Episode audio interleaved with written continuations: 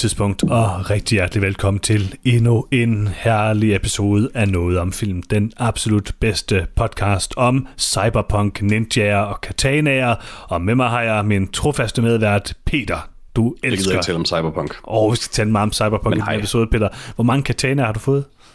Jeg spiller ikke cyberpunk endnu. Hvorfor ikke? Jeg er ikke sådan super interesseret. Okay, okay. Øhm, har du raytracing slået af eller, eller på? Igen, jeg har det ikke installeret. Altså, Cyberpunk. Det er godt nok... Vi, vi har aftalt, at vi til den her episode skulle anmelde Cyberpunk, Peter. Det gjorde vi ikke.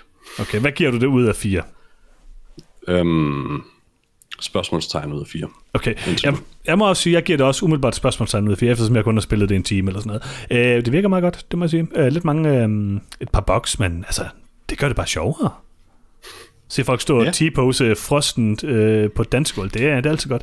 Øhm, det, det, det får måske en... Altså, ikke at Bugs i et, i et rollespil er specielt overraskende eller enerverende for mig, men det får en til at spekulere lidt i, hvorfor bliver spillet egentlig udskudt næsten et år, eller hvor lang tid det nu lige var, mm. hvis det stadig er ret buggy nu. Altså, hvor slemt var det? ja, altså, altså, det, korte og lange er jo nok bare, det, det er vidderligt. Altså, det er ikke et spørgsmål om, at det var buggy, det var vidderligt færdigt, går ud fra. Ja, det er stadigvæk ikke færdigt, helt tydeligt. Øh, og jeg tror, de har rushet det ud, men, men det blev de jo det, også Det gør de på gerne, tidspunkt. Uh, CD Projekt Red. Jeg synes alligevel, at Witcher 3 var sådan i en rimelig tilstand, da det udkom. Ja, men der er nogle ret... Altså, hvis man læser lidt om sådan development-historien bag Witcher 3, der er nogle ret vilde historier i det. For det første så, altså, det skal ikke nødvendigvis handle om det, men CD Projekt Red er vist ikke den mest sympatiske virksomhed i verden. Nej. Øh, det er vist for at sige det mildt. Um, og, øh, men der er sådan noget som for eksempel, at hele spillet har et rimelig komplekst økonomisystem, Witcher 3, som man aldrig vil bemærke, honestly, men sådan noget med, at ting købt i en region sælger, at der er sådan et helt system, der styrer, hvor, mm, hvad det mm. sælger for i andre regioner, og bla, bla, bla, og det er baseret på geografien og bla, alt muligt. Sådan hele det system blev udviklet øh, og tilføjet til spillet sådan inden for den, en måned, inden det udkom, eller sådan et eller andet.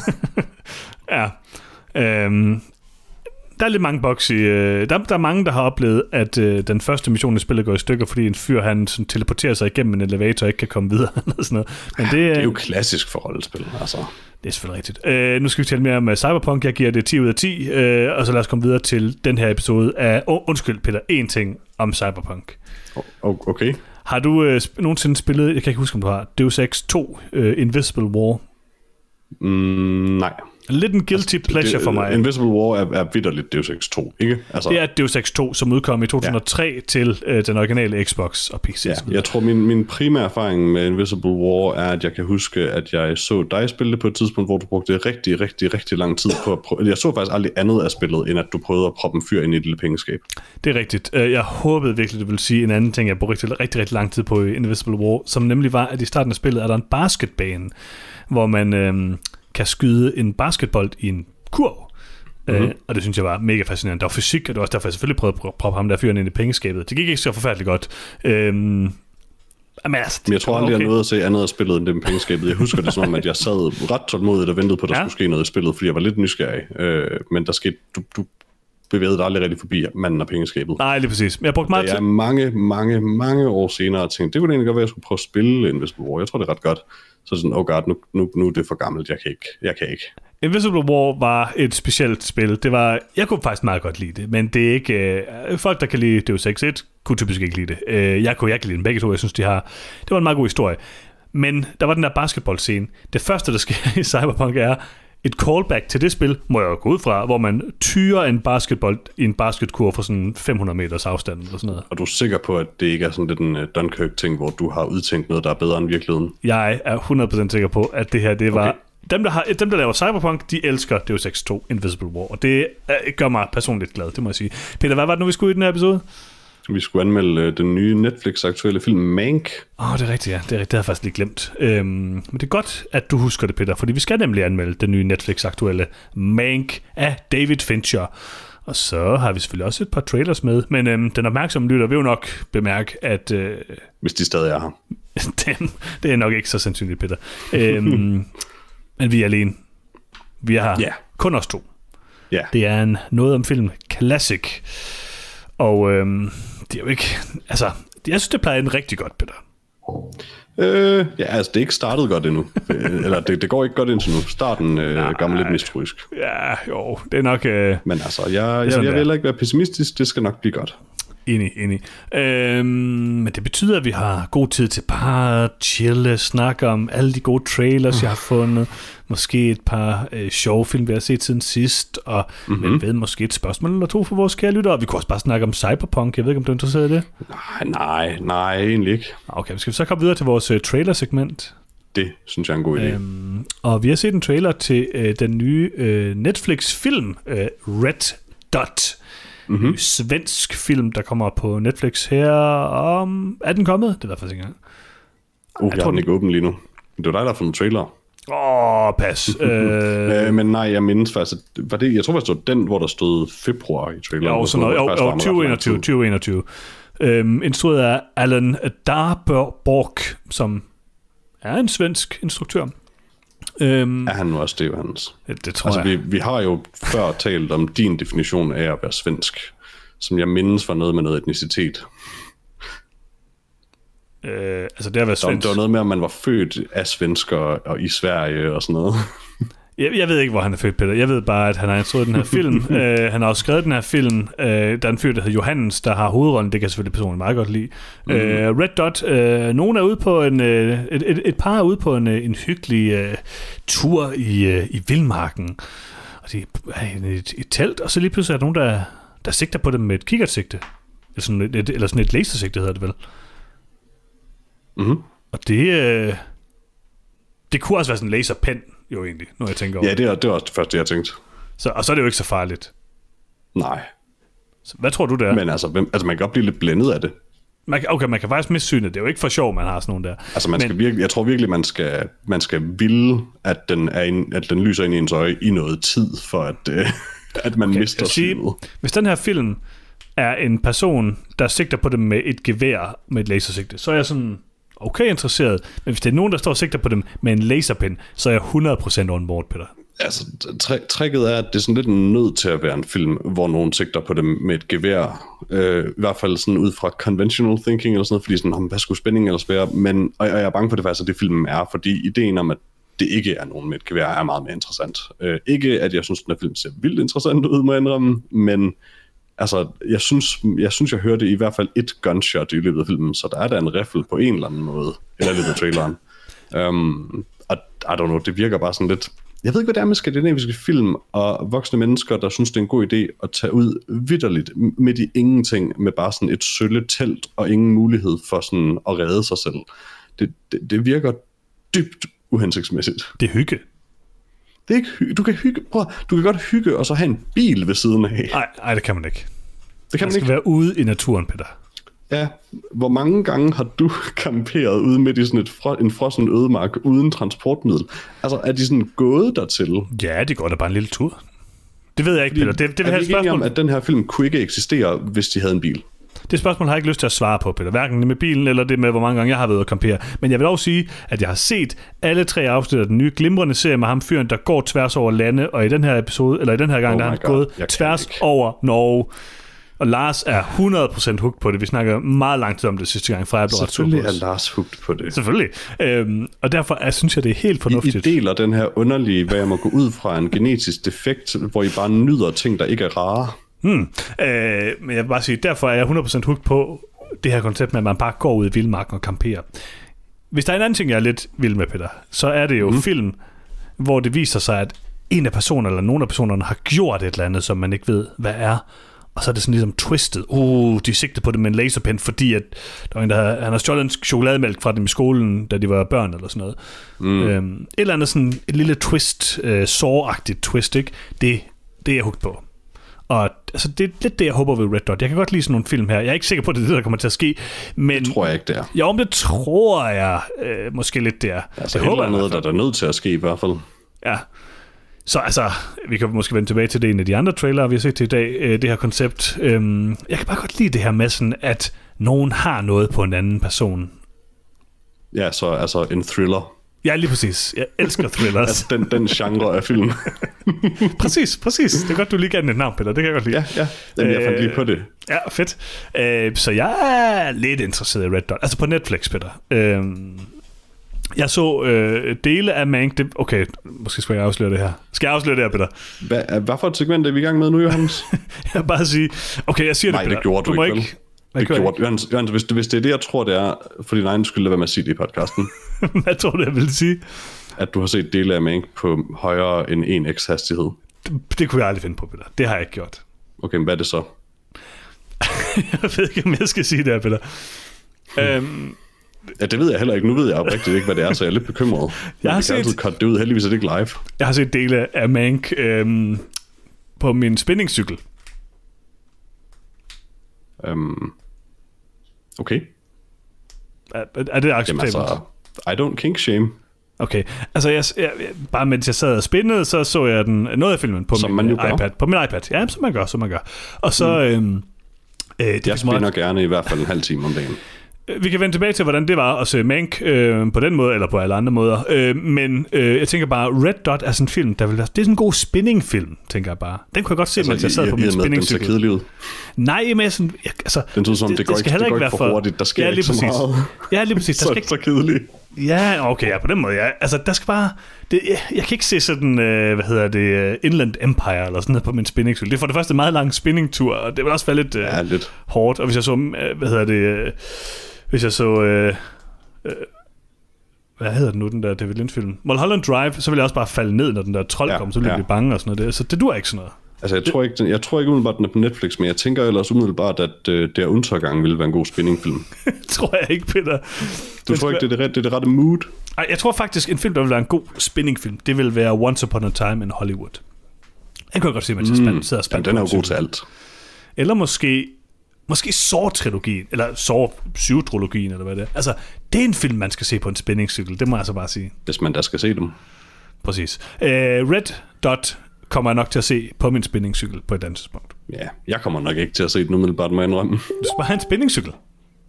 Ja, nej tak. Ah, nå. Jeg kan love dig for, at når jeg køber en spinningcykel, slash hvis jeg køber en spinningcykel, så skal jeg nok se Red Dot, mens jeg spinner. Nå, Okay, Det Fedt. tror jeg godt, jeg tør love. det er godt at høre, det er godt at høre. Øh, næste trailer er traileren til, øh, vi bliver måske lidt det samme tema, thriller-temaet, nemlig øh, mm-hmm. øh, Fatal eller Fatal, Fatal. Fatal med øh, Hilary Swank og Michael øh, Ealy. Og mm-hmm. øh, det er jo lige præcis det, jeg godt kan lide. En thriller om nogen, der har noget på en anden person. Sådan Øh, thriller. For helvede, nu er du, nu er du bare blevet det til dobbeltkonflikt. Ikke nok med, at du, du, beskriver, hvad det er, nu bruger du også Okay. navnet på det. Seven er der også en thriller. Mm-hmm. Der er ikke nogen, der har noget på en anden person der. Ej, det er ikke alle thrillers, men altså... Nej, jeg kan godt lide den her subgenre. Okay. Jeg kan godt lide... Og der er Øh, vel lidt nogen, der har noget på nogen, altså morderen, Invitation og altså, sådan nogle ting. The morderen i, i Seven ved jo godt, hvordan det hele forholder sig, kan man sige. det er selvfølgelig rigtigt. Kan du godt lide... Kan du huske The Gift? Hvorfor kan jeg ikke huske, hvad The Gift er? Den der film, hvor at, øh, er det Jason Bateman eller sådan noget, der flytter tilbage til sin barndomsby, og så møder han ja. en fyr, som han har mobbet på til Altså, Den var okay. den film er okay. Eller, den er, den er okay, men den bliver god for mig, både fordi det er en glimrende spændingfilm, og fordi, at den, den har det koncept, jeg godt kan lide. Ikke? Der er nogen, der har noget på en anden. Ja. Elsker ja. det. Elsker det. Øh, Nogen ved noget, en anden ikke ved. præcis. Fatale, øh, instrueret af Dion Taylor, Eller, og med øh, og Hilary Swank og øh, Michael Ealy i hovedrollen, nogle af hovedrollerne, Mike Coulter. Øh, filmen handler om en øh, fyr, der øh, knaller udenom, og øh, mm-hmm. efter et indbrud finder ud af, at betjenten, der skal, eller detektiven, der skal prøve at opklare, øh, hvem der har brudt ind, øh, er ingen ringer end hans one-night stand. Hvad synes du om Ja. traileren til Fatale? Jeg synes, den så billig og dårlig ud. Jeg synes, at den var dårligt skrevet. Traileren var ikke særlig køn og dårligt klippet. Og I don't know, der var et eller andet ved den, der bare føltes meget, meget akavet. Hmm. Sådan ikke særlig troende eller troværdigt overhovedet. Altså, nu ved jeg ikke, om du ved det, Peter, men det er jo lidt det her, sådan et tema her, det kan jeg godt lide. Ja, ja sådan sådan en type film her, Sådan en thriller. hvor der er nogen, øh, der har noget på nogen. Ikke? Ja, lige Ja. præcis. Ja, det tror jeg godt, jeg kan huske om En dig. film, øh, som man kan se på en spændingscykel. Den her film kunne man mm-hmm. godt se på en spændingscykel. Jeg tror ikke, den kommer på Netflix desværre. Ikke, ikke lige i første omgang. Øhm, jeg ved ikke, jeg synes heller ikke, den så særlig god ud. Øh, og hvis de prøvede på nogen som helst måde at få det til at virke som om, det ikke var Hilary Swank, der var problemet, eller hans problem, så, øh, så ved jeg ikke, om de gjorde et så godt job. Øhm, det var meget tydeligt, at det var hende, der var efter ham. Hun, hun hvis sagde det det selv i traileren. Jeg ved, Er du så hun, mere interesseret? øh, ja, det er Hun jeg. siger det jo faktisk ikke i traileren. Okay, her er mit... Øh, okay, nu skal vi lige gætte på, hvad der sker i Fatale. Hvad hvis det er rumvæsener, Johannes? Åh, oh, man. Det, plakaten kunne godt se sådan lidt øh, alien Hvad hvis han faktisk. tror, han knaldede Hilary Swank, men han knaldede et rumvæsen? Okay, nu er jeg lidt interesseret. Ej, okay, nu, nu tolker vi lidt på trailer. Lidt for meget, Peter. Øh, men nu, nu prøver vi lige at holde det, det til alligevel. substansen her. Ja. Øhm, der er et tidspunkt, hvor at, øh, at øh, hun, Hilary Swank, viser øh, Michael Ealy nogle billeder af et mor. Og det er jo tydeligvis konen, der er blevet myrdet. Det er jeg ikke overbevist om. Tror du ikke det? Det er en meget, meget underlig respons, hvis det var det. Altså Ja, men bare, okay, at det, det første, han siger, jeg er, det jeg er ikke en jeg morder. Ja, men det, stedet det tænkte jeg oh også. God, tænkte jeg hvorfor er min kone død? Hvorfor hører jeg først om det her nu? Og hvorfor hører jeg om det i form af et billede? Men i hvert fald, så øh, hvis det nu var, øh, var konen der, så tror jeg, twistet var, eller så kan det være, twistet er, at hun slet ikke er død. Og det er hende, der gør det. Hvad hvis det er ham, der gør det? Mm. Det er ham, der gør det ved sig selv. Ja. Sådan en memento situation. Nej, altså han, han prestiger sig selv øh, en gang Ah. imellem. Men øh, i stedet for at bryder den ene, der er ligesom Den sande, det sande koncept, det er jo ikke et Dunkirk-koncept, det, det sande Nolan-koncept er jo at lave en prestige. Hvis der er nogen af vores lyttere, der ikke har set The Prestige, I'm sorry. Ja, okay, fair nok. Det var måske lidt dumt. Men okay, så derfor så... Jeg, jeg, jeg, Bleep det, Johannes. jeg ved ikke... Find, find, mark- marker det her punkt i tidslinjen, og så bleep det, eller et eller andet. Ja, jeg skal se, om jeg husker det. Jeg skal se, om jeg husker det. Øh, men i hvert fald... Øh, hvis jeg nu har blivet det, så vil jeg stadigvæk bare sige, det, er, det koncept, jeg elsker mest i thrillers, det er at lave en, øh, en prestige. Ja, ja, Så lad os lade det være ved det, ikke? ja. Okay. Kommer helt sikkert til at glemme at klippe det ud, ikke? jo, det tror jeg. Okay, ja, undskyld, kære lyttere. Uh, jeg prøver lige at skrive det ned. Uh, så kan du lige fortælle, eller tale lidt om den.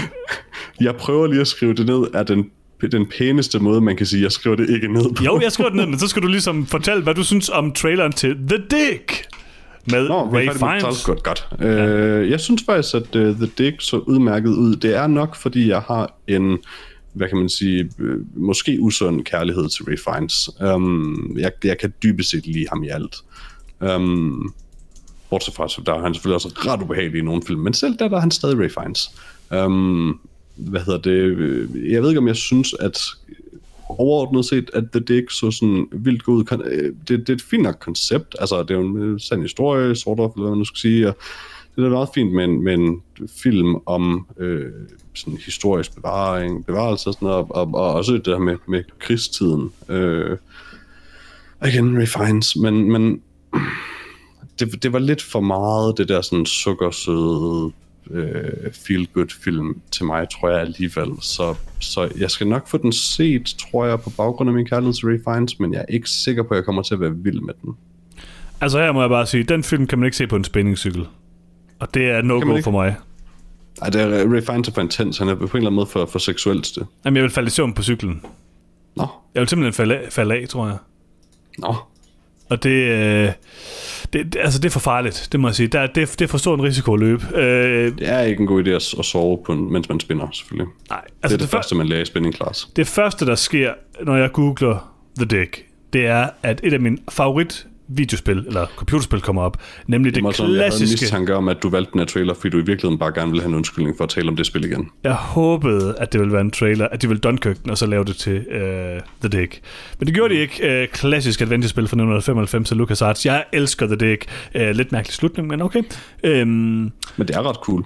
det er mega cool, og er virkelig god Det er historie. de flotteste point-and-click øh, Virkelig. øh, spil fra den tid, synes jeg Det faktisk. er det flotteste spil nogensinde, vil jeg sige. Det ved jeg ikke, om jeg vil det sige. Men, Uh, jeg synes, uh, The Dick så utrolig kedelig må jeg sige. Men altså, det, det er ikke en film for mig, det må jeg sige. Uh, Også det kunne da godt være, der var lidt... Jamen, så jeg er ikke så hooked på Ray Fiennes, som du er. Jeg kan godt lide ikke. Mulligan til gengæld. Hun er rigtig god. Um, jeg ved ikke, jeg det, Ray Fiennes? Ja, det, det tror jeg. What? Men altså, den så sikkert fint nok ud. Det er ikke noget for mig, det her. Det må jeg bare sige. Ja, der, der er ikke nok, øh, hvad hedder det, nogen, der bruger noget, de ved øh, mod en anden i den. Øh, Det kan jeg faktisk ikke vide. Øhm, det kunne, altså, Det hvis, rigtigt. men hvis jeg spillede lidt mere på det i traileren, så, øh, så havde jeg nok været lidt mere Ja, hugt. ja. Det må jeg sige. Øhm, de skulle nok have lavet lidt... Hvad var du kaldte den der genre, Peter? De skulle have lavet lidt mere til en, Øh, en, en, en, en hiller, tror jeg, jeg kaldte det. en heller. Okay, de skulle lave til en heller, ja. Ja. øh, så havde jeg været mere on board. Øh, Peter, sidste trailer. Jeg må indrømme, Jeg ved ikke, om vi har set den her trailer til Morbius øh, før. Ja, vi har set en trailer til Morbius. Ja, i det ved jeg. Eller en teaser. Et jeg eller håbede, det her det var noget lidt nyt, men jeg må ærligt indrømme, jeg kan ikke skille dem fra hinanden.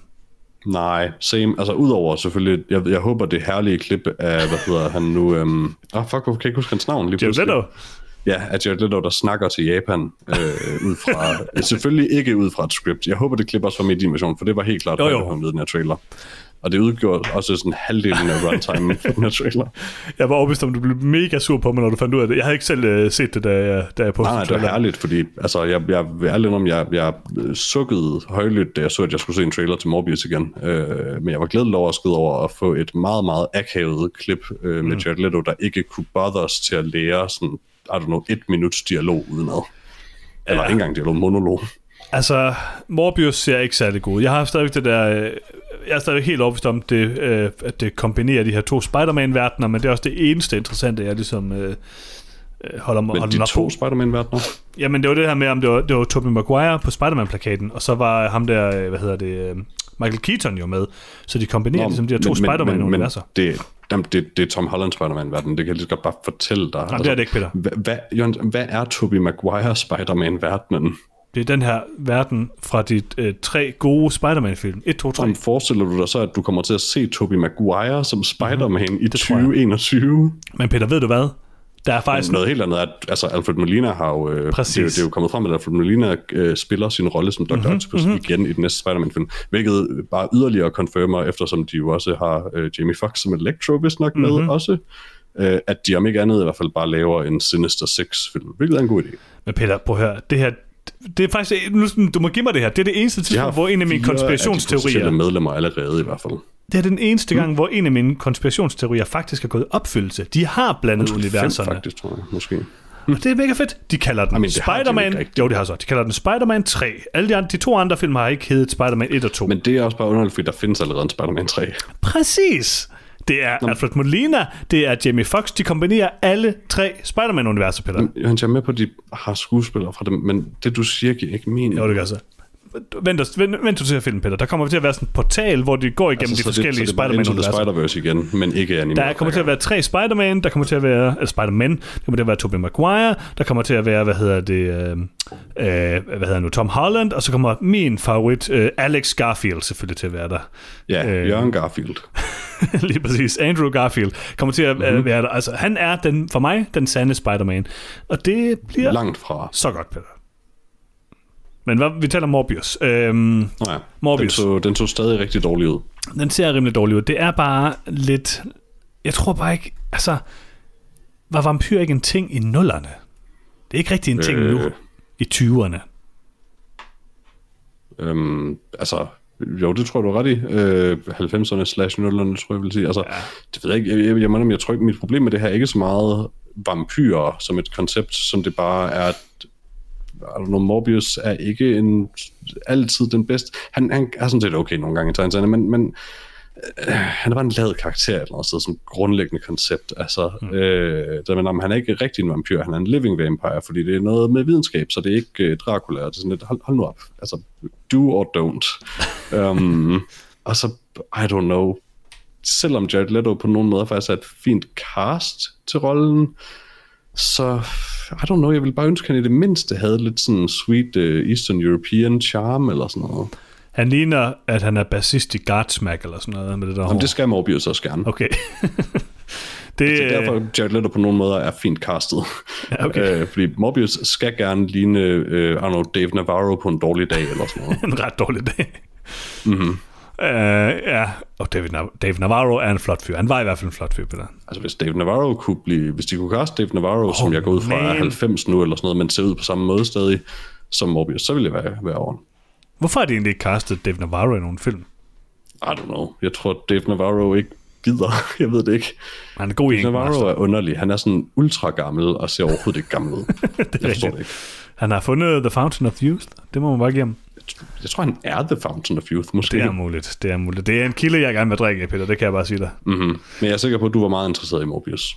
Uh, overhovedet ikke. Jeg synes, det så rigtig dårligt ud. Um, Okay. Jeg ved ikke. Jeg kan, gå, jeg kan meget godt lide Jared uh, Leto. Uh, Leto, Leto? Det kan jeg aldrig huske. Leto, tror Leto, jeg. tror jeg. Uh, jeg synes, han er meget god. Uh, men Men, Han kan være okay, han Ja. kan altså også være ganske forfærdelig. jo, jo, det kan han, og jeg synes bare, at det her, den her Morbius-karakter taler måske ind i alle de steder, hvor Jared Leto er forfærdelig.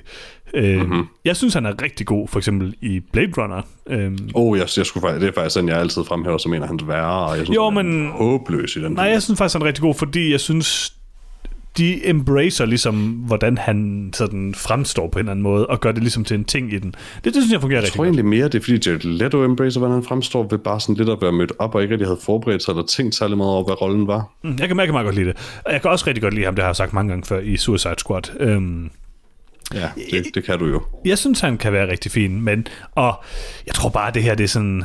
Jeg tror bare, det kan jeg jo ikke selv gøre for. Jeg tror bare ikke, det er en særlig god film. Den ser ikke særlig god ud, det må jeg sige. Det gør den ikke, nej. Øh, og der er også bare sådan... Altså, vampyrer er ikke cool. Det er de bare ikke. Eh, det kan de godt være. Nævn en cool vampyr. Og undskyld, Nosferatu. Klaas Bang. Nå, selvfølgelig. Yes, ja, ja, altså Klaas Bangs Dracula Okay. selvfølgelig er jo den mest cool vampyr. Nosferatu er også cool nok. Hvilken Nosferatu? Øh, Alle, der hedder Nosferatu, det er bare et godt navn. Det er et godt navn, Peter, men du må ligesom vælge en filmudgave af Jeg, jeg, Nosferatu. gider, jeg, jeg ved godt, hvor du vil hen. Jeg gider ikke snakke om den film igen. Hvad for en? Det er den der Nosferatu-film, du altid fremhæver. Er der en Nosferatu-film, jeg altid fremhæver? Det er der nogle gange. Det er lige meget. I don't know. Den originale Nosferatu går jeg ud fra, jeg refererer til. Nu er jeg bare forvirret, for jeg ved, jeg, jeg ved ikke, hvad det er for en film, jeg elsker, men... Øh, Nej. ah. Øh, Morbius ser ikke særlig god ud, det må jeg sige. Nej. Men skal vi komme videre til noget, der måske ser godt ud? Ja. Nemlig vores anmeldelse af Mank. Mank. Og Peter, har du lige en lille opsummering klar? Det kan du da tro, jeg har lige om et øjeblik, fordi jeg lige var tappet væk fra den. Desværre på et dårligt tidspunkt. Men jeg har den klar. Fedt. Øh, den er jo selvfølgelig som altid oversat fra IMDb's øh, sikkert ganske fine engelske til desværre sikkert også ganske fint dansk af Google Translate. Men denne gang er den ret lang, så jeg håber på, at den er, den er håbløs. Og den lyder sådan her. 1930'ernes Hollywood revurderes gennem øjnene på den skarpe samfundskritiker og alkoholiske manuskriptforfatter Herman J. Mankiewicz, da han løber for at afslutte manuskriptet til Citizen Kane. Der er en scene, hvor han løber, så det er egentlig ikke helt ved siden af. Det er rigtigt, Peter. Øhm, hvem har lavet uh, Mank, og hvem er med i den? Jamen, øh, Mank er øh, instrueret af David Fincher, skrevet af Jack Fincher, og øh, den har Gary Oldman, Amanda Seyfried, øh, Lily Collins, Tom Pelfrey, Alice Howard, øh, Tuppence Middleton, Monica Gossman, Joseph Cross, øh, hvad har vi, hvor var det virkelig, Sam Troughton som John Houseman, øhm, hvad har vi, hvor var det, øh, Tom Burke som Orson Welles, og Charles Dance som William Randolph Hearst. Hmm. Så Mank øh, er David Finchers øh, øh, første film i, hvad er det, syv år eller sådan noget, siden Gone Girl, øh, seks år, siden 2014's Ja, Gone Girl. egentlig. Øhm, og det er jo ikke meget, han har lavet af det. det er generelt ikke så meget, David Fincher har lavet, men David Fincher er absolut en af mine yndlingsinstruktører. Øhm, Mm-hmm. elsker Seven, elsker The Game, elsker Fight Club. Jeg elsker Alien 3. Jeg synes, det er, jeg synes måske, det er den bedste Alien-film. Det ved jeg godt, det ikke er, men jeg kan bare rigtig godt Jeg lide Alien lide 3. Alien 3. Øh, den første er selvfølgelig bedre, men jeg synes bare, Alien 3 har... Altså, der var noget... Han vil noget. han vil virkelig noget med den film, og det er ikke alt, der er vellykket, men det er interessant i hvert fald. Jeg elsker Panic Room, jeg elsker... So- altså, Zodiac er en af mine yndlingsfilm overhovedet. Ja, og det var også, at du ventede så længe med, med at nævne Zodiac. Jamen, altså, det er min yndlings David Fincher-film. Mhm.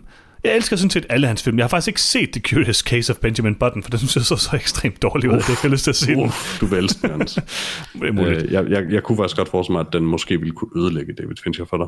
Ja, jeg tror ikke, jeg har lyst til at se den. Uh, Social Network selv, den synes jeg faktisk var rigtig, rigtig god. Uh, selvom jeg ikke er super into it.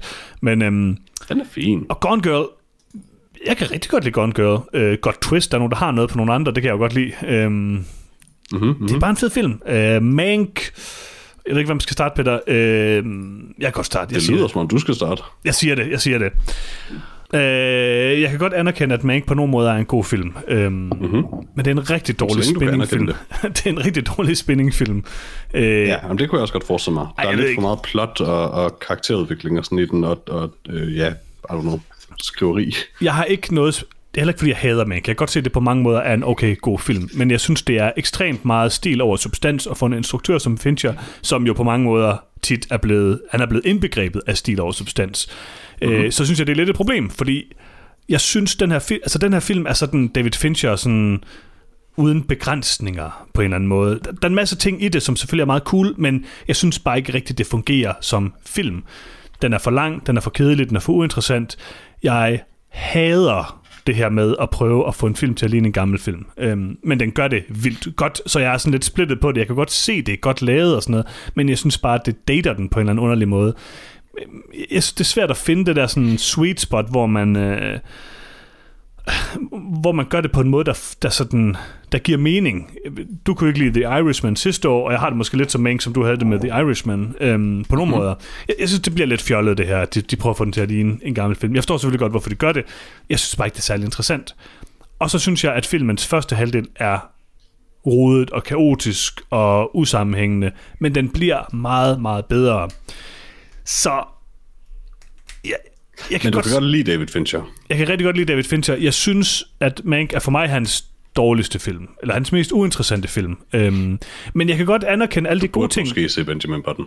ja, det tror jeg ikke. Øh, jeg kan anerkende alle, jeg kan godt anerkende, at Mank sikkert er en rigtig god film, men det er bare ikke rigtig noget mm-hmm. for mig. Øh, jeg synes ikke, den var interessant. Den kunne ikke rigtig... Hmm fænge mig. Øh, den er lang, den er kedelig, den er, den er bare ikke særlig mange ting et eller andet sted. Øh, hmm. andet end et, et stilistisk projekt, synes jeg. Øhm, jeg, jeg ved ikke, jeg, der var hmm. bare ikke rigtig noget, der sådan fængede mig på den måde ved den, men, men det er nok bare ikke en film for mig, fordi jeg kan godt se, at den har alle mulige kvaliteter. Jeg synes, at Amanda Seyfried er rigtig god i den. Jeg synes, Gary Oldman til tider er rigtig god i den. Og mange af de andre er også rigtig fine i den. Altså, altså det, det, er en, det er en meget god film på rigtig mange måder. Det er bare ikke lige en film for mig. Hmm. Øh, jeg elskede den. Ja. øh, jeg synes, Mank var en, en helt fantastisk film, faktisk. Øh, jeg gik ind til den uden at have altså i virkeligheden har sat mig særlig meget ind i, øh, hvad filmen var, men øh, hvad kan man sige, glædelig overrasket over, det den så viste sig at være. Altså, øh, en ting er jo Citizen Kane, som selvfølgelig er historisk og kulturelt en, altså nok den vigtigste vestlige film, der er lavet, øh, hvad kan man sige, is- især i sin tid. Men øh, jeg har altid været mere fascineret af historien bag Citizen Kane end filmen selv nemlig. Mm. Um, så jeg synes, det var mega fedt at se en film netop om det. Uh, og særligt uh, Herman Mankiewicz rolle i alt det er, er ret interessant. Um, jeg ved ikke, jeg, jeg, altså, øh, jeg er ikke altid glad for det, David Fincher er og gør, øh, netop det her stil og substans. Jeg synes, det var øh, helt perfekt i den her film. Øh, for det første så er det sindssygt veludført. Jamen, det er det. Øh, altså, det er chokerende, hvor meget han nailer det. Mm. Og det er ikke bare, du ved, hvor pænt sort-hvid er det, eller hvordan passer musikken til, eller sådan et eller andet. Øh, jo, et godt soundtrack af Trent Reznor, faktisk mm. helt vildt godt mm. soundtrack, synes jeg.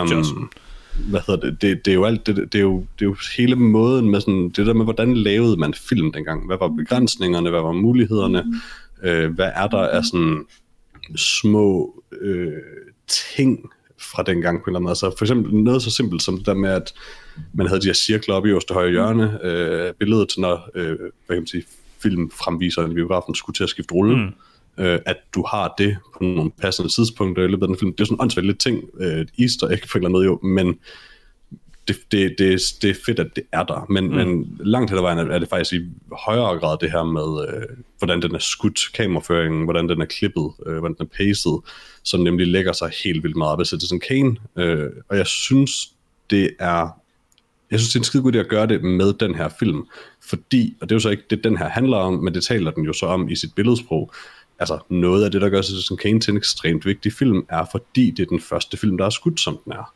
Mm. Um, det er den første film, hvor du for eksempel, det lyder åndssvagt, men ser loftet i et interiørshot, altså hvor du kan se toppen af det rum, de er i, dybest set for eksempel. Mm. Um, og alle sådan ting her gør Citizen Kane sådan all over the place, og det lyder, det er jo sådan noget, man, man ser nu, altså, at ja, okay, det er en film, men der, det er vidderligt revolutionerende på det tidspunkt. Mm. Um, hvad hedder det? Øh, og så er der også bare manuskriptet jo, som, altså, til Citizen Kane, som jo er ekstremt vigtigt for USA på det tidspunkt. Og man kunne argumentere for stadig. Um, men um, jeg ved ikke, jeg, der er et eller han, han, han formår bare at gøre det, som det skulle gøres, og lave en film om det her, synes jeg. Og så synes jeg jo, at skuespillerne er, er perfekte, ja. Uh, Men... Altså, uh, Amanda Seyfried er, er super god. Gary Oldman synes jeg jo også var, var helt vildt god. Altså, Herman Mankiewicz er en weird guy, øh, som taler lidt sjovt, så du ved, han, han kunne ikke rigtig spilles på andre måder, tror jeg. Jeg synes virkelig, øh, mm. Gary Oldman er, er nok den bedste, der, den der kunne gøre det bedst. Um, og så vil jeg også gerne lige bare lige sige, at det, altså Charles Dance som William Hurst, mm. øh, han er ikke meget med, øh, men han, han spiller det fint, men det, det der i virkeligheden nok, det jeg synes var en lidt sjov genistræk at kaste ham er, det er sådan lidt uhyggeligt, så meget Charles Dance ligner William Hurst, og jeg havde ikke tænkt over det før. Mm. Um, men der, det er det, jeg siger. Finde, du kan finde billeder af William Hurst, og bare være, og sådan, det er faktisk lidt svært at se, at Hvorfor? det ikke er Charles Dance. Okay, det her det er total redemption. Du var selv med i den podcast, hvor I sad og grinede af mig, fordi jeg sagde, at de lignede hinanden på en prik. Hvad? Eller også for, jeg kan sagt, at Charles Dance ligner William Hurst, den gamle øh, nyhedsmagnat, som Citizen Kane handler om. Ja. Da vi så traileren til Mank. Sagde du da, at Charles Dance lignede William Hurst? Ja. Huh. De ligner den på en prik. Pudsigt.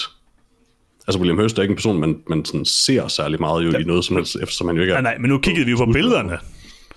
Gjorde vi virkelig det? Jeg er ikke jeg, sikker på, at jeg, jeg, jeg kan huske, jamen, det gør, du ikke var med. De andre synes, jeg var helt til grin, men de ligner hinanden på en prik i det Jeg er ikke sikker på, at jeg var med i den episode, Jørgens, fordi jeg er ret sikker på, at jeg ikke har set en trailer til Mink. Ah, det er muligt. Men i hvert fald, de andre gjorde grin med mig, og nu er det Redemption, fordi nu er det bekræftet, at de ligner hinanden på en prik. I hvert fald det gør de. Film. I hvert fald i den her film. Jamen, det, altså, det er også bare helt generelt. Det, det, de har de samme øjne og næse Præcis. og mund på et eller andet måde. Basically. Det er jo ret, hvis man bare har det, så er det ret til på. Det er jo et, øh, nu kan jeg ikke huske, hvad fanden er det, jeg kan ikke huske, hvad ham, der spiller Orson Welles, øh, men han spiller ham helt vildt godt også. Øh, det er ja, ja, det gør han. svær karakter at næle, fordi Orson Welles er så karikeret.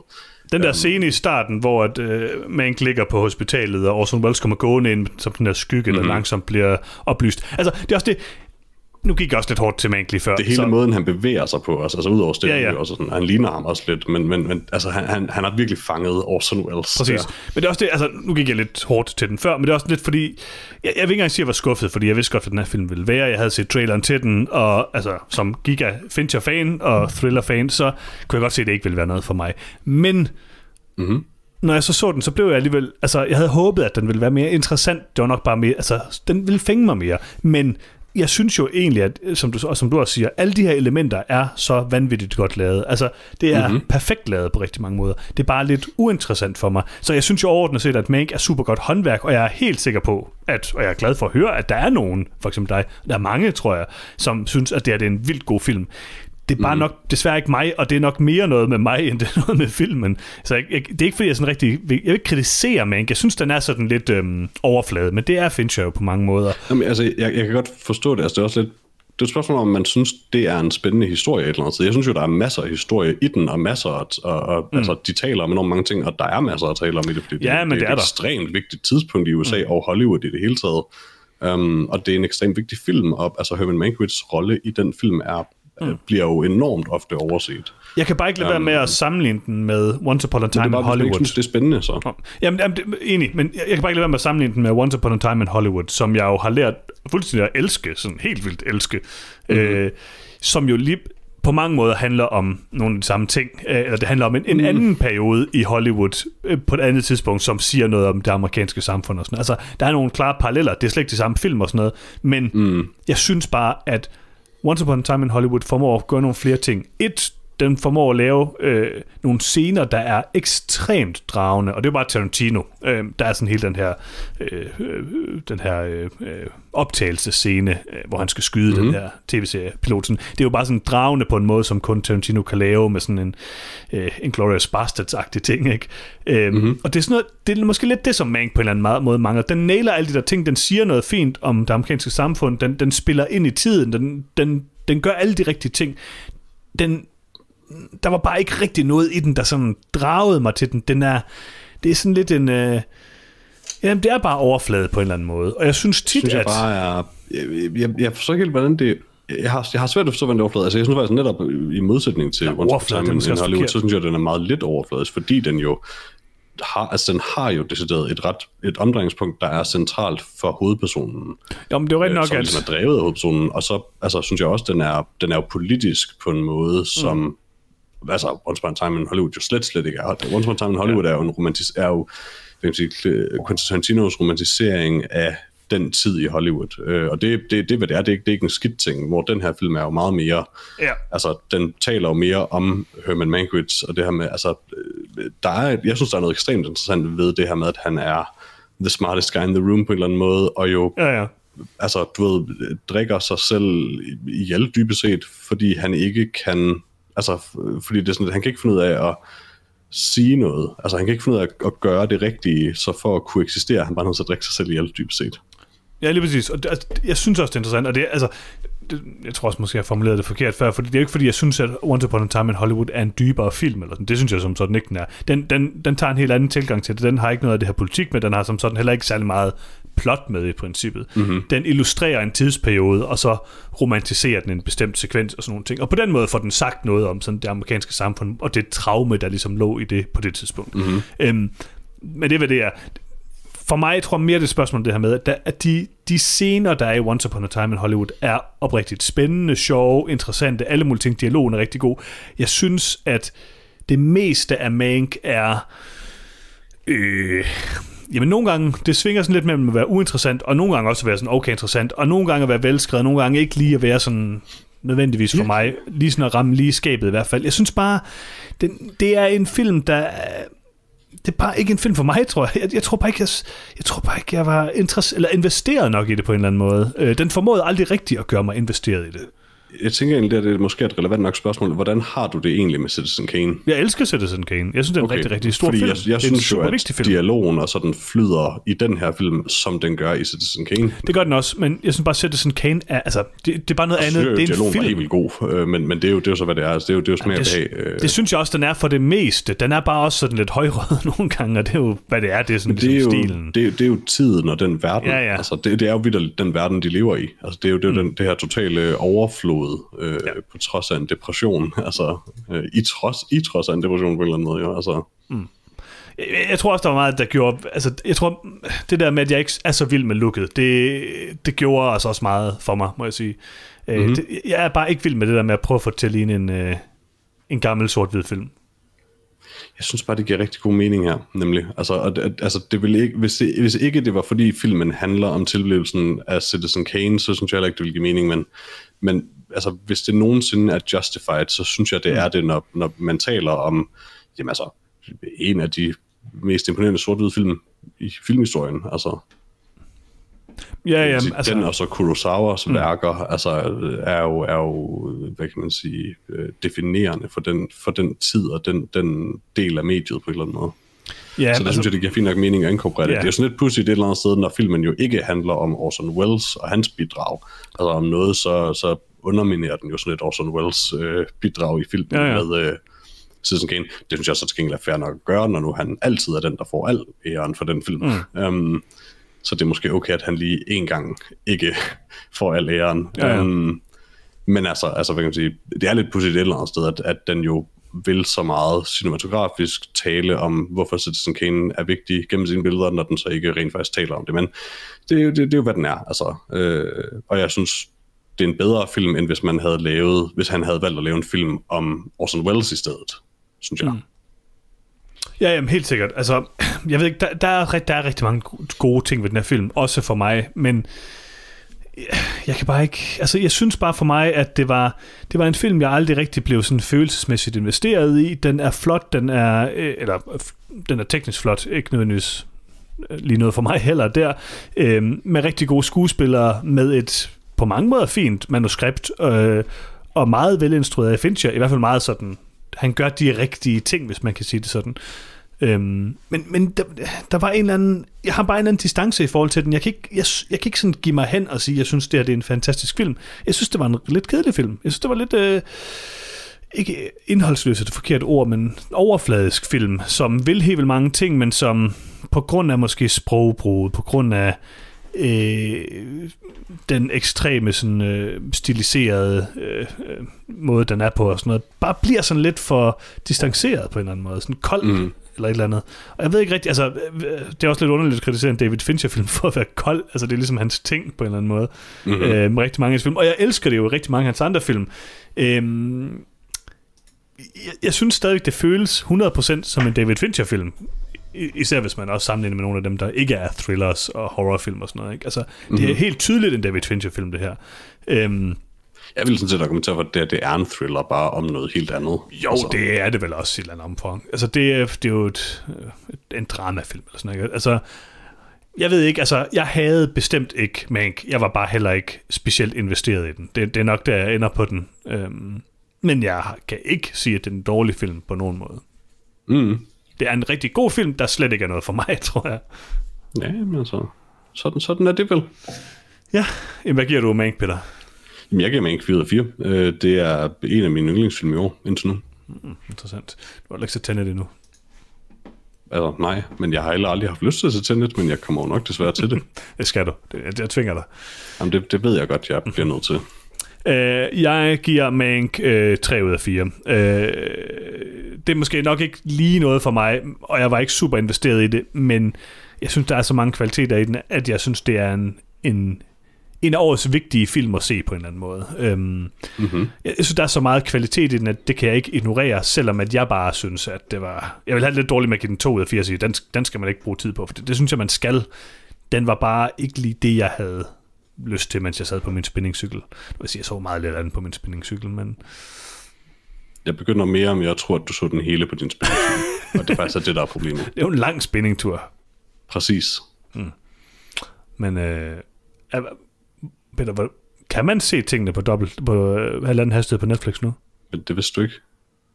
Hvordan ved du det? Ja, det kan man. Hvad har du Fordi set? Den, den fucking knap er på skærmen, når jeg sådan pauser. Mm. Og det er pisse irriterende. Jeg tror, der er... Og mere hot på, på skærmen, på en i forvejen klottert skærm. Så hvor mange film har du set på øh, Ingen. dobbelt hastighed? Hmm. Heller ikke Mink? Er du sikker? Nej, selvfølgelig ikke. Okay, okay, okay. Mank 3 ud af 4 og 4 ud af 4. Måske en kandidat til øh, årets filmdiskussion. Hvem ved? Du har iPod for den, ikke? det, altså, det bliver det for mit vedkommende, for jeg har allerede iPod for i år. Altså, Dracula tæller jo ikke, Peter. Jeg er ret sikker på, at jeg iPod efter det også. Ah, hvad for du? Det kan jeg ikke huske, det er ligegyldigt. Jeg kan vildt aldrig huske, hvad iPod for, og jeg gider ikke vide det alligevel. Jeg kan bare huske, at jeg har gjort Okay, okay. Interessant. Øh, jamen, det var vores anmeldelse af øh, Mank, instrueret af David Fincher, og som kan ses på Netflix. det. Ja, Skal vi ikke lige øh, tale lidt om, hvad vi har set siden sidst, Peter? det kan vi da godt. Hvad har du set? Jeg har genset, øh, hvad hedder det, Immortals med mm. det. Øh, af en eller anden grund. Øh, det følte jeg bare lige for en dag. Um, det er jo den, den herlige øh, Sing-film, øhm, um, Tarsem Sing, øh, om øh, Perseus, mener jeg det, ja, som, øh, som slår sig mod, øh, spillet selvfølgelig af Henry Cavill, øh, før han øh, blev meget, meget stor. Um, som selvfølgelig kæmper imod, øh, hvad hedder det, åh, hvad fanden er det, han hedder, Hyperion, spillet af, wow, jeg kan ikke huske nogen navn lige nu, Mickey Rourke. Mm. Um, og så er der en hel masse med guderne, som sådan sort of blander sig, og så ikke alligevel, og så er den meget stilistisk og cool. Hvis man kan lige tage som ting, øh, primært hvis man har set The Cell, tror jeg, så øh, er der helt klart øh, en masse at komme efter Immortals. Vi har talt om filmen før også podcasten. Den er skidegod, og det er den stadig. Um, den er ikke, well, skidegod er måske så meget sagt. Den er sjov, og det er en singfilm, og det er altid sjovt. Den, den er heller ikke, øh, den er ikke perfekt overhovedet. Øh, den har nogle, nogle meget ordinære og kedelige aspekter og noget akavet dialog øh, meget af tiden, men der er alligevel bare et eller andet over den. Altså, der er noget over måden, han laver film på, som bare er svært ikke at elske et eller andet sted. Mm, mm. Um, så den er altid sjov at se igen. Det er en uh, rigtig, rigtig god film, det må jeg sige. Ja, ja altså igen, det, det den. ved jeg ikke rigtigt, om det er, men den er, den er underholdende, altså, og den jeg- er jeg meget Singh. Den er meget Jeg kan også godt lide den. stilistisk Jeg ved ikke, om jeg ville med god samvittighed kunne sige, at den var god. Nej, okay. Jeg har kun set én ting, Peter, og jeg har ikke Ikke set... sådan rigtig god i hvert fald. Nej, ej, det vil jeg ikke sige. Uh, jeg har faktisk kun set én ting, og jeg ved ikke, mm-hmm. Mhm. om jeg vil sige, at... Øhm, øh, eller jeg, jeg ved ikke, om jeg kan sige sådan helt vildt meget om den, for jeg har ikke set den færdig endnu. Det er en dokumentarserie Okay. på... Øh, det er ikke en film, bare roligt. Jeg har ikke set den på min spændingscykel. Øh, Mm. det er en øh, dokumentarserie øh, serie på HBO, der hedder The Vow. Det er sådan en form for true crime dokumentar, kan man vel godt mm. kalde det. Det handler om sådan Den en... kan du øh, også godt lide, ved jeg. dem kan jeg godt lide. Øh, men det, jeg tror ikke, du vil have et lidt stort problem med den her dokumentar, som så mange andre. Øhm, det handler Jeg har om et stort øh, problem med mange dokumentarer. True crime dokumentar. Er det ikke dig, der, eller er det Freja? Det kan jeg ikke huske. Øh, når jeg synes ofte, at true crime dokumentarerne ender med at være sådan lidt tamme. Øh, de vil mere, end de egentlig er.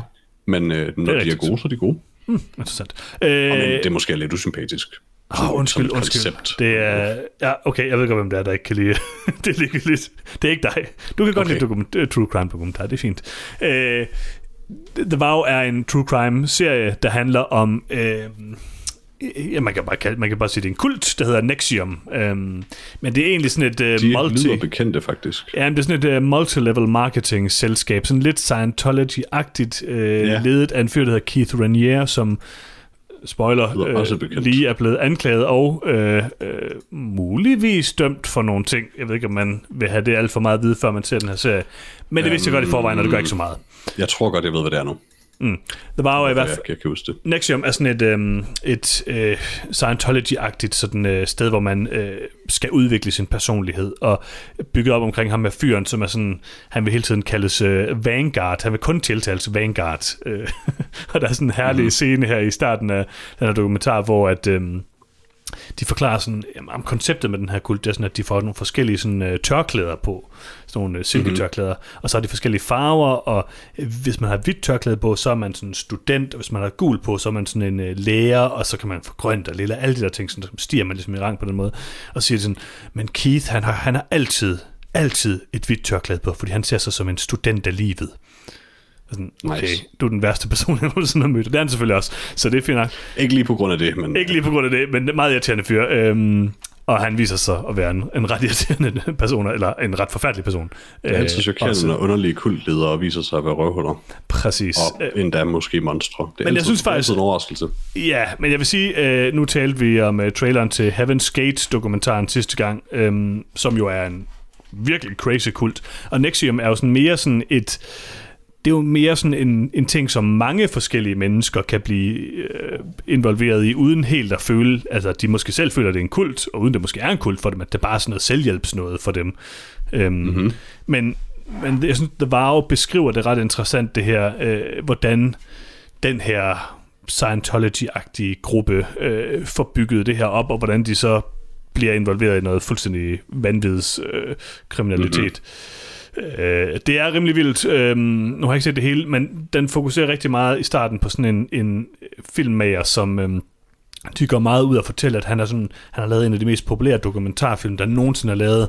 Det, som den her serie så glemmer at fortælle, er, at det er sådan en total pseudo-dokumentar. Han har lavet sådan en mærkelig blanding af dokumentar i quotes og sådan noget fiktion, som taler mm. om, og det er sådan en film om et af mine hads øh, øh, emner, øh, som er det her sådan hvad kan man kalde det, sådan new age øh, kvantefysik, altså hvor man sådan tager en meget, meget øh, high level idé om kvantefysik, og så bare sådan kører helt ud af sådan et New Age-spor, så det overhovedet ikke har nogen bund i Men noget som helst. opfinder sin egen fake videnskab sådan Ja, felt. lige præcis. Sådan, så man laver en Dunkirk på virkeligheden. Um, hvorfor, hvorfor, jeg forstår ikke, hvorfor, hvordan vi havnet i en virkelighed, hvor det er jeg ved åbenbart det okay at tolke på videnskab. Altså det, selvfølgelig, altså ja. jo videnskabsfolk, eller altså forskere tolker også på noget, men der er, der er jo noget, der hedder den videnskabelige proces, og der, det, det, der, altså, det er det der med, at det på en eller anden måde er noget, man ikke længere tager sig særlig meget af, mm. sådan mm. generelt det her med, at hvorfor den videnskabelige proces er vigtig, eller hvad den overhovedet er. Altså.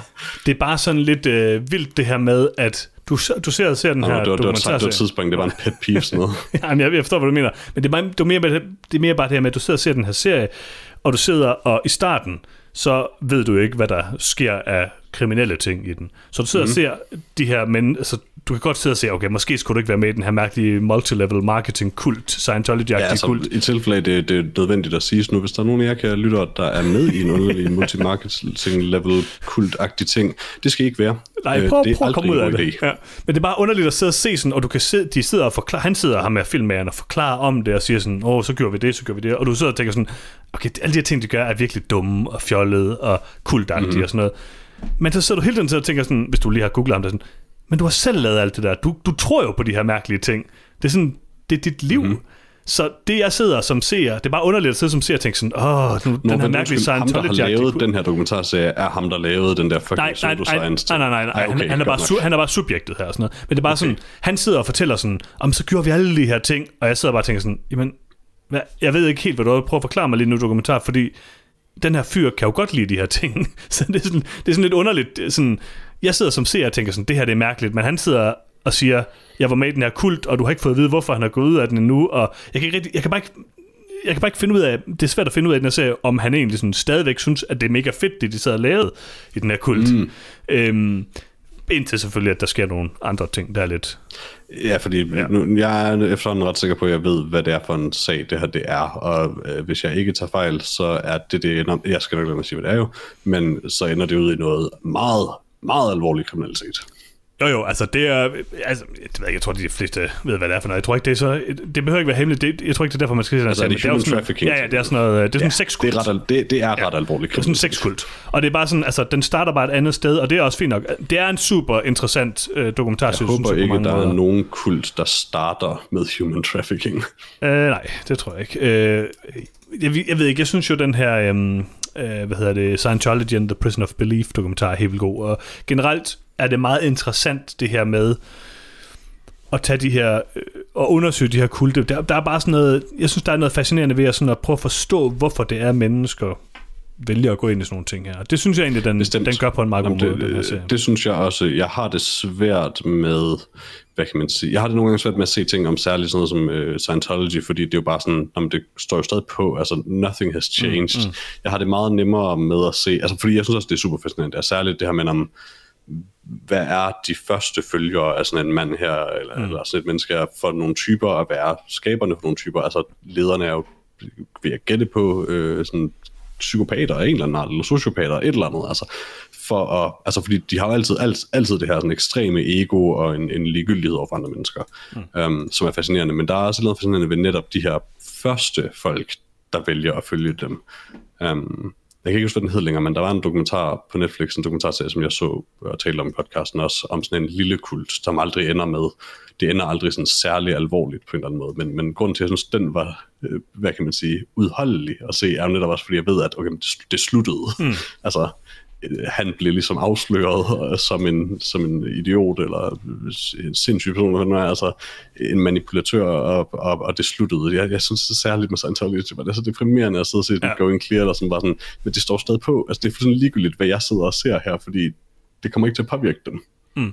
Men så tror jeg, du godt ville kunne lide at se den her Nexium dokumentar. Altså, det er Fordi rimelig langt ad vejen fascinerende. i hvert fald, så faldt det der fuldstændig fra hinanden. Jo, jo, de men det er også afsløret. det. Men det er også det, altså, Der er i hvert fald masser af folk, der er blevet dømt jo. nu, alt det der multilevel marketing er jo noget fjollet noget, men man kan bare godt, altså, det er jo ikke sådan noget... Altså ikke bare fjollet, og- også, også alvorligt. Altså, Jo, der er jo. jo folk, der bliver ruineret længere Ja, fuldstændig, i- fuldstændig, fuldstændig. sådan noget. Men det er mere bare, at man kan måske godt forstå, hvorfor... Det, det er meget interessant at se en, en dokumentarserie som den her, hvor man måske godt kan forstå, hvorfor nogen bliver lidt fascineret af det her, fordi det er jo lidt det samme som at øh, give alle sine penge til Tony Robinson, eller Robinson, ja, eller hvad han hedder. sådan man, man, man, man har jo et behov for at høre til på en eller anden måde, og for at føle sig ja. forstået og meningsfuld. Øh, så jeg kan sagtens forstå, hvad det er, der tiltrækker folk Og jeg til tror, de der- her ting. Det, det, er jo bare, det er også bare det, der er så ekstremt usympatisk ved, ved en kult. Det er jo netop mm. det her med, at altså, man prayer på folk, der i den grad har brug for mm. rigtigt fællesskab, og ikke at blive udnyttet.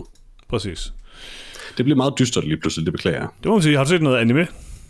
Øh, har jeg set noget anime? Jeg har set en animationsfilm. Nå, hvad set? Jeg har set Toy Story 4. Uh, med Forky. Ja, øh, jeg, jeg har jo fået, øh, det kan jeg nu så godt nævne, den, den, en anden film lige først hurtigt, det kommer ikke til så lang tid. Oh, ja. øh, jeg sad en dag og havde lyst til at se Thor Ragnarok igen, og den kan man jo, altså ligesom alt andet Marvel og Disney, så kan du ikke se den andre steder end Disney Plus nu. Um, heller ikke til leje, det kan man måske godt, men, men det var i hvert fald ikke lige til at finde den. Så jeg tænkte, fuck it, det, det er på tide at prøve Disney Plus. Uh, om ikke andet, så kan jeg bare lige se den film, og så holde op. Så jeg så Thor Ragnarok, og den var Thor Ragnarok, jeg kan rigtig godt lide den. Uh, den har vi snakket om masser af gange. Jeg elsker Thor Ragnarok. Dejlig film. Um, helt klart nok min yndlings af Marvels egne Marvel-film. Ja, nu Morbius Øhm, um, jo ikke udkommet endnu. Nej, selvfølgelig. Uh, men uh, se, en anden dag, så så vi så Toy Story 4, for den har vi aldrig fået set. Mm. Um, og jeg mindes, at du og jeg begge to er ret glade for Toy Story 3. Uh, den er vi rigtig begge to synes, at den er, den er meget, altså, der har de virkelig nailet det der med at ja. lave en film, der på nogen måde næsten mere er til dem, der nu er voksne, og så Toy Story som børn. For mig er det den den er bedste. Toy Story-film, vil jeg sige. Den er enormt god. Um, Toy Story 4 synes jeg nok ikke er på helt det niveau, men den er rigtig, rigtig god. Okay, Um, det er faktisk jeg godt at høre. anbefale Det, den. det troede jeg faktisk ikke. En ting, jeg i hvert fald synes om den, øh, og det er måske næsten højere end træerne, det kan jeg ikke lige huske så meget af fra træerne. Den er ekstremt sjov. Jeg synes, komikken i Toy Story 4 Okay. er on point. Um, særligt med de nye karakterer. Altså, Forky er glorious. Han, han er virkelig god. Men er han ikke en altså, sporky, egentlig? Og det er han, og det tror jeg faktisk, der bliver sagt på et tidspunkt. men, øhm, mm. Men det er basically alt det, man sad og tænkte og sådan jokede med for sig selv, da man så ham i traileren. Øh, alle de spørgsmål, man havde, sådan noget, altså det er lige præcis det, filmen er i forhold til ham. Mm. Um, altså det er et underligt eksistentielt spørgsmål med Forky. Um, brugt til ikke meget andet end en joke, men det er lige præcis det, der er sjovt ved det. Altså det med, at det, er, det, er sådan, det rejser en, en helvedes masse spørgsmål, også for Forky selv. Og det er, det, det, det er på en eller anden måde godt, at det bare er en punchline, eller så det, det er sådan ekstra tragisk.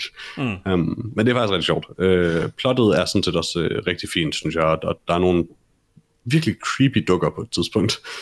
Mm. Um, men, men jeg ved ikke, altså Toy Story 3 er mere tight og har et mere sådan klart budskab på en eller anden måde, tror jeg. Øh, og er mere emotionel end 4'eren. Men 4'eren er også god øh, på, det, på de øh, områder. Mm. Øh, den er også ekstremt flot. Altså rent teknisk, så er den her nok umiddelbart det bedste eksempel, synes jeg, indtil nu på, hvor langt man er kommet med sådan noget som altså, øh, genskabelse af materialer i, i, i 3D-film. Altså, for første gang, så havde jeg, sad jeg sådan og var sådan lidt, oh fuck, uh, Bo Peep er lavet af, hvad hedder det, uh, porcelæn, faktisk. Og det giver mening, fordi hun er en del af en lampe. Mm. Um, men det er sådan noget, hun har altid bare lignet plastik, ligesom alle de andre. Uh, men det er sådan meget tydeligt nu, når du kigger på de forskellige ting, at hvad de er lavet af på en eller anden måde, uden nogen forklaringer. Det, det synes jeg faktisk er ret imponerende. Mm. Um, know, jeg, kan, jeg kan varmt anbefale den i hvert fald. Fedt. Men Peter, så har du også set rigtig meget Simpsons gået fra. Det har jeg så også, ja. Fordi da jeg så... Jeg tror desværre, det var inden for de første 24 timer, at jeg havde Disney+, Plus, at jeg desværre opdagede, hvad jeg burde have vidst, fordi Disney jo købte Fox på et tidspunkt, mm-hmm. um, at øh, det jeg altid har beklaget mig over, øh, virkelig nok ikke særlig ofte on air, men jeg har ikke set Simpsons i mange år. Øh, mm. Jeg ved ikke, om der er nogen lyttere, der ved det, at det er meget længe siden, vi, nu, vi sådan egentlig har set det, tror jeg begge to, men vi to har jo set voldsomt meget Simpsons gennem vores barndom. Sådan hver dag, og jeg mener hver dag mm. i mhm. mange år. Øh, så meget, så vi vores yndlingsleg, som børnene ved at køre bil, var at man, at man skulle sådan lege 20 spørgsmål til professoren med ekstremt obskure scener og eller karakterer for Simpsons, eller vi karakter- rent faktisk stadig gætte det. Der var en gang, hvor vi lavede toiletrullen for det der afsnit, med, øh, hvor Marge kører en Carinero. Ja, præcis. Men, og der har også været altså, sådan that guy i baggrunden ja. i den der scene i Quickie Mart. Og sådan, øh, så vi, vi har været meget, meget, meget obsessed med Simpsons. Jo, øh, jeg sige. tror, det er sandt for os begge to, at på et tidspunkt så begyndte det bare at blive meget dårligt også, Simpsons. Dårligere rørt ja. i hvert fald. Ja. Um, men noget helt andet er, at vi har også, tror jeg, begge to meget gerne ville se det gamle Simpsons igen. Mm. Um, men det har været sådan i rigtig mange år, at uh, man har købt det på DVD, sådan en sæson ad gangen dybest set, og meget, meget dyrt. Og jeg mindes faktisk, at det aldrig rigtig blev udgivet på Blu-ray. Hvis det gjorde, så var det i hvert fald meget, meget sent. Det er det. Jamen, så det, var, det, det var i hvert fald meget sent, ligesom... at de gjorde det.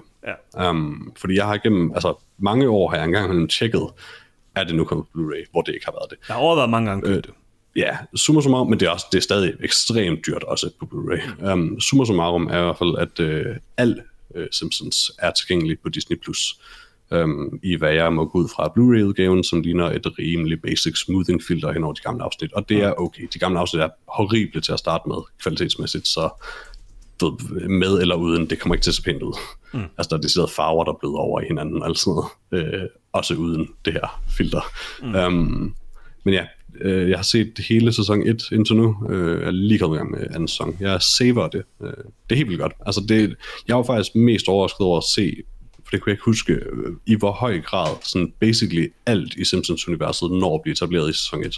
Mm. Um, det er helt vildt så mange ting, der kommer på plads så tidligt.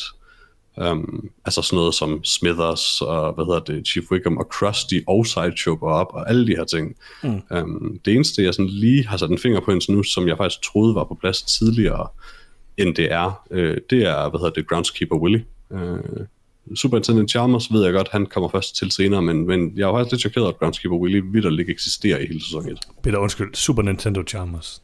Ja, selvfølgelig, det er jo joken. Men uh, selv Ralph er en lille... Jeg tror, han, han har en replik i sæson 1. Uta Han er ikke rigtig nogen. Jeg tror ikke... Nej, nej, Uta er basically ikke med i Simpsons Show. Um, I can't run, I'm full of chocolate. I know. He's very good. men uh, men jeg, jeg tror, Ralph har en replik i en scene, og har ikke et navn i løbet af sæson 1. Der går noget tid, før han rigtig bliver en karakter. Mm. Så det, men, du siger, jeg er nødt til at få Disney+. Plus. Altså jeg kan sige, det har i hvert fald været indtil nu en herligt nostalgisk øh, oplevelse at se okay, det Okay, jeg gør det. Jeg gør det. Men så skal vi også se The Mandalorian. Mm, måske, ja. Måske, måske. Okay, jeg har ikke set mere, Peter. Har du set mere? Det tror jeg faktisk, jeg har, ja, men øh, jeg kan ikke huske, hvad det er. Nå, interessant. Nå, men det, jeg var ikke med sidste uge heller ikke, så der er en del ting, der, der er ved at være lidt tid siden. Jeg mindes, jeg har set en film mere på Disney+, Plus, men jeg kan virkelig ikke huske, hvad det er. Ja, okay.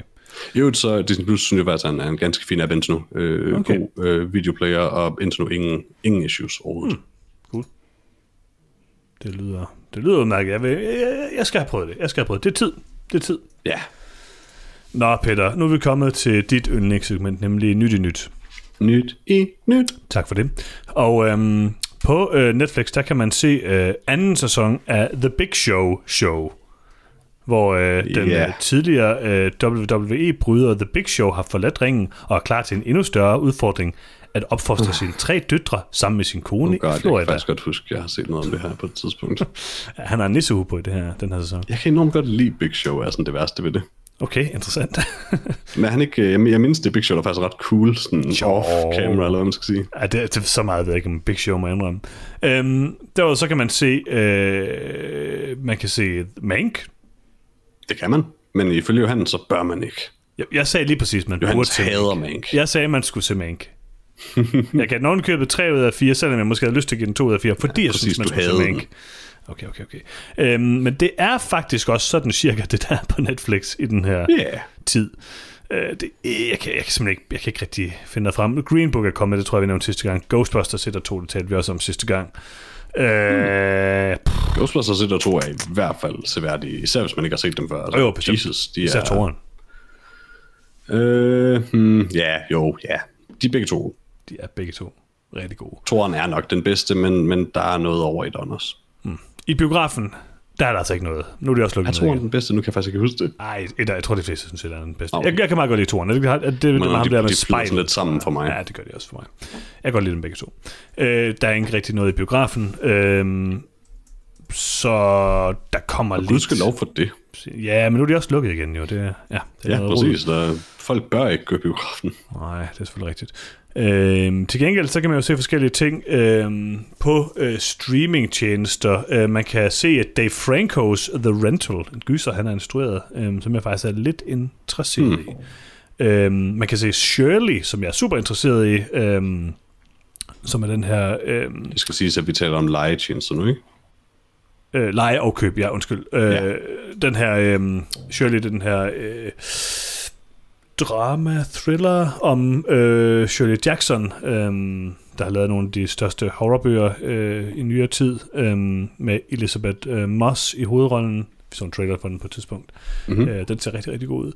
Øh, så kan man øh, lege og købe en, som jeg tror... Ej, man, undskyld, man kan kun købe den. Det kan være, du er villig til at gøre det, Peter. Man kan købe øh, Waiting for the Barbarians med øh, øh, Johnny Depp og Robert Pattinson. Det er lige før. Og øh, Mark Rylance selvfølgelig. Mm-hmm. Mm. Øhm, så ja, der er der lidt, øh, lidt derude, man kan gå i Altså, kast jeg vil faktisk rigtig gerne til Waiting for the Barbarians, men jeg, jeg tror ja, ikke, jeg, jeg, har, jeg har generelt meget lidt lyst til at købe digitale film. Mm. Ja. Men det var sådan cirka det, øh, jeg havde taget med øh, Ja, fra, Det er et godt segment. Jamen, det var et rigtig godt segment, det må jeg sige. Øh, og jeg har heller ikke nogen spørgsmål for vores kære lytter, dem har jeg også glemt at tage. Så nu er vi sådan Også set et godt segment. Rigtig godt segment. Øh, nu er det jo bare tilbage at finde ud af, hvad vi skal anmelde næste gang, Peter. Øh, ja, off the air, ikke? Nej, nej, nej, nej, vi skal diskutere det her nu, Peter. Hvad Jeg mindes, Der har med... været mange gange, hvor vi er blevet enige om at holde op med at gøre det. jo, jo, men det, jeg, jeg, jeg tager det hele tiden op igen. Du kan vælge mellem The Rental eller His House, Peter. Jeg ved ikke noget om nogen af de film. Okay, vi finder ud af det overfærd. Øhm, men Peter, hvad er det så, man skal, man skal gøre, hvis man har lyst til det? Jamen altså, man kan jo gå ind på nogetomfilm.com for eksempel, eller på facebook.com slash nogetomfilm, hvis man bare gerne vil finde noget om film, og ligesom vide lidt om, hvor kan man egentlig høre den, og hvad er der nogle Vi muligheder. finder det. Øh, præcis. Og så hvis du har et øh, spørgsmål til os, så er den bedste måde at komme i kontakt med os, det er nok at skrive en mail til nogetomfilm.gmail.com. Selvfølgelig bare ikke så godt, hvis jeg ikke tjekker det, kan man sige. Nej, nej, nej, men det er stadig, tror jeg, mere sandsynligt, at du kommer igennem den vej, end ved at kommentere på et opslag på Facebook-siden. Men det kan du også godt. Også hvis du bare gerne vil Det er også sige, at du. Eller du kan lide podcasten. Øh, det er du faktisk hader noget, den. du siger, vi er søde. Lad være med det. Bare hvis, hvis du kan lide den. Ikke hvis du hader den. Det hvis du hader den? Nej, Okay. Øh, men øhm, podcasten i sig selv, den kan høres på iTunes, på Spotify, på SoundCloud, på Stitcher, på Podimo, på alle mulige tjenester. Øhm, hvis du har en podcast reader og nogen som er start, så bare søg på noget om film, og så tryk subscribe. Og hvis du hører podcasten lige nu, så gætter jeg på, at du allerede har gjort det, og det var vist nok derfor, vi blev enige om at cutte det her fra outroen. Øhm, men det allervigtigste, du kan, kære lytter, øh, udover selvfølgelig at give en god karakter og en positiv anmeldelse, alle de der søde ting, det er at dele podcasten med en anden. Fordi, kære lytter, hvis der er en af jer, og nu siger jeg bare øh, helt tilfældigt, det kunne være dig, Ditte, som jeg går ud fra er derude. Måske. Hvis du, Ditte, deler podcasten med en anden, så er der en mere her i verden, der hører noget om film. Og det er ikke det, det hele handler om. Ditte. Det, tror jeg bestemt. Det tror jeg bestemt. Men Peter, jeg må lige, der er faktisk breaking news her. Jeg har faktisk fundet Okay. okay. et spørgsmål fra en af vores kære lytter. Oh, Nu kigger jeg lige. Det var lige fordi, jeg kiggede bare lige ind og så, om der lige var kommet et eller andet nyt op på, på Facebook. Mm. Øh, for det har fået. Og der er faktisk en, for, en, øh, en Benjamin, der har skrevet her, som skriver, og det er nemlig til dig. Hvorfor har Benjamin. Peter denne forfærdelige vane med at indskyde engelsk i hans tale? Han virker så belært inden for den cinematiske filmkultur, hvilket er ærgerligt, for jeg kan skide godt lide Peter. Ja, øh, jeg beklager. Jeg, det er faktisk, øh, hvis der er noget, jeg synes er sådan pinligt ved mig selv, øh, hvis man kan sige sådan, så er det faktisk det. Øh, jeg, jeg er meget også. opmærksom på det. Øh, det har faktisk meget at gøre med min, øh, hvor min lille Simpsons-anekdote tidligere. Jeg er vidderligt kulturelt opdraget af amerikansk tv, tror jeg ikke er en underdrivelse. Um, jeg lærte mig selv engelsk af tv og spil. Og Zelda. Øh, jeg lærte, øh, ja, øh, faktisk primært af The Legend of Zelda og Ocarina of Time. Øh, det jeg kan nu tydeligt huske, at det var, da jeg spillede det spil, at jeg kunne engelsk efterfølgende. Um, også i en tidlig alder. Jeg, jeg har altid været ekstremt, som barn i, i hvert fald, meget betaget af amerikansk kultur og amerikansk tv og film. Um, og det har desværre bare ført til, at det har snedet sig ekstremt meget ind i mit sprog, øh, og at det er meget, meget svært for mig at lade være. Øh, men jeg, jeg bryder mig faktisk heller ikke om det, det, det mener jeg oprigtigt. Øh, fordi mit ordforråd på dansk fejler bestemt ikke noget. Mit store problem er, at jeg har en tendens til, jeg, kommer, jeg glemmer tit lige ord, mens jeg skal sige dem, øh, og det er altid det engelske, der popper op i mit hoved først. Så for at komme hurtigt videre, så har jeg en tendens til bare at vælge det, når det sker. Ja, men jeg gør præcis det samme, så det er... Ja, Jamen, jeg, jeg, jeg er værre til det, desværre. Øh, det, det er i hvert fald min oplevelse, at jeg er det. Men øh, det, Ja. jeg, er ikke, jeg er ikke blind for det, i hvert fald kan jeg sige, Benjamin. Um, det var Benjamin ikke. jo, jo, jo. Jeg Øhm, synes, men, øh, at det er det, der gør dig til dig, Peter. Det er også godt. Ja, men altså, det er også sådan lidt øh, det, der gør mig til Sydney Lee, så jeg ved ikke rigtigt, og, undskyld Sydney, øh, men jeg tror, vi begge to godt ved, at det er underligt at kalde en kuldshaker for en son of a bitch. Okay, men jeg skal også... Anyway, fed podcast. Anyway. Tak. Anyway. Anyway. Mm. Uh, fed podcast. I har fået fem stjerner på iTunes fra mig.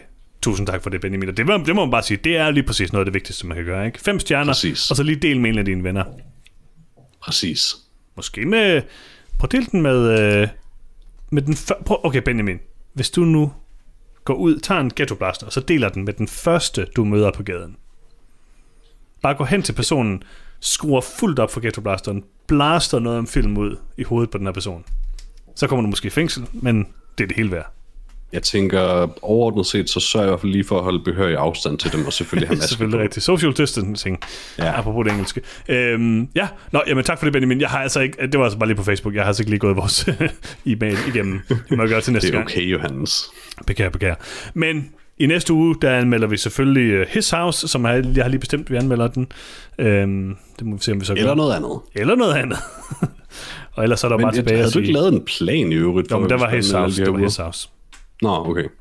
Så det gør vi nok. Hvem ved? Det er en god plan, ikke? Don't know. Nå, altså, lige i forhold til His House ved jeg det ikke, for jeg, jeg ved ikke rigtig, hvad det er for en film. Men, øh, men jo, fremragende Den plan er fremragende. designet 100% til, at Tenet kan være med i øh, årets Nofoti. Ja, altså, jeg forstår ikke helt, hvorfor det er meget vigtigt for dig, at den er at den kan konkurrere i årets noget i noget, i noget om Film of the Year, fordi altså, jeg, jeg tror ikke, den kan vinde, Johannes. Den vinder. Peter, den vinder. Jeg har, Jeg har ikke set den endnu, og jeg vil ikke dømme den på forhånd, men huh, jeg har i hvert fald godt nok ikke på noget tidspunkt været interesseret i den. jeg har satset alle mine heste på Ja, det ved jeg godt, men, men problemet er, at du også har satset vores på en eller anden måde. Præcis. Jeg har satset alle heste. Ja, Jeg er vild med det. Jeg er vild med det. Elsker Tenet. Sandsynligvis. altså, min yndlingsting ved alt det her er nok, at jeg er rimelig sikker på, at det, der kommer til at ske, er, at vi andre synes, den er okay, og du hader den. Det er muligt. Men, Men at du har tænkt dig at force den så hårdt, at du jeg. ikke kan indrømme, at du hader den, men det vil, sk- det vil skinne igennem dig, mens du nominerer den til årets film. Peter, jeg har brugt min egen regel. Hvad er din regel? Regel er, at jeg kun køber film, digitale film, for 49 kroner og derunder. Altså, det, jeg nægter at tro på det første gang, du har brugt den regel. Okay, jeg måske købe den til 59. Det er også max, Peter. Det er max. Ja, det er en løs regel. Det er mere Det en er en guideline. rigtig fast... Det er kun en, det har vi talt om før, det tror jeg, talt med Lars om. En regel er kun en regel, hvis man bryder den. Men Ja, hvor med alting er, jeg har brugt den med Tenet. Jeg har fået bestilt den til 170 kroner. jamen altså, Fire dage. det, det, det er din grav, og den må du godt grave. Fire dage, Peter. Så ser jeg Tenet. Og jeg glæder mig. Så længe nogen gør det, så tror jeg, han er glad. I er også nødt til at købe den om fire dage. Håber, jeg kan slippe for at købe den. Det er muligt. Men øhm, vi glæder os i hvert fald til at anmelde Tenet. Alle elsker sig. Eller alle elsker Tenet. Alle glæder sig meget til at anmelde Tenet. Alle glæder sig Johannes til at elske glæder sig til at anmelde Tenet. Tenet. Vi andre undskylder på forhånd. Interessant. Tak fordi I hørte med. Vi høres ved igen i næste uge. Hej hej. Hej hej.